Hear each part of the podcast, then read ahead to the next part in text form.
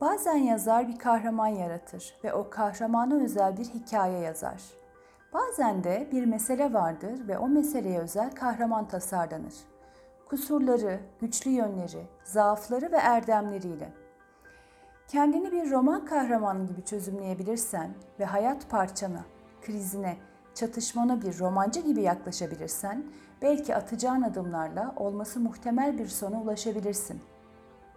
Aristoteles'in tragedya ve kahraman kuramı, Campbell'ın kahramanın sonsuz yolculuğu şeması, biraz Shakespeare ve karakter yaratmak ve romanın olmazsa olmazları, dramatik önerme, dramatik gereksinim, dönüm noktaları, peripeti, anagnorisis, hibris, hamartia, öfori, epifoni ve işte paradigma.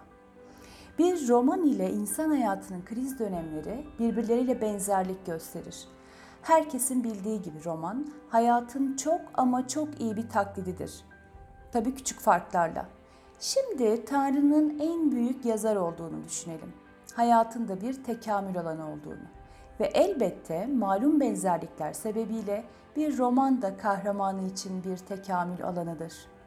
Her şey ama her şey kahramanın bir konuda tekamülü için bir araya getirilir. Tüm o kişiler, mekanlar, olaylar, konuşmalar, düşünceler. Romanın ilerleticisi kahraman ve kararlarıdır. İster, karar verir, feda eder, harekete geçer. Tıpkı bizim gibi. Arzular, korkular, kök duygular, bilinç dışı faktörler, eğilimler, yönelimler, basiretsizlikler.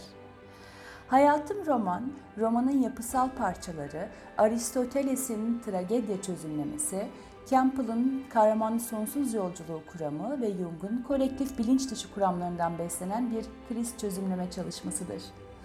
Serda Kıranda Kapıcıoğlu ben. Sizlerle bu atölyede buluşmak için sabırsızlanıyorum.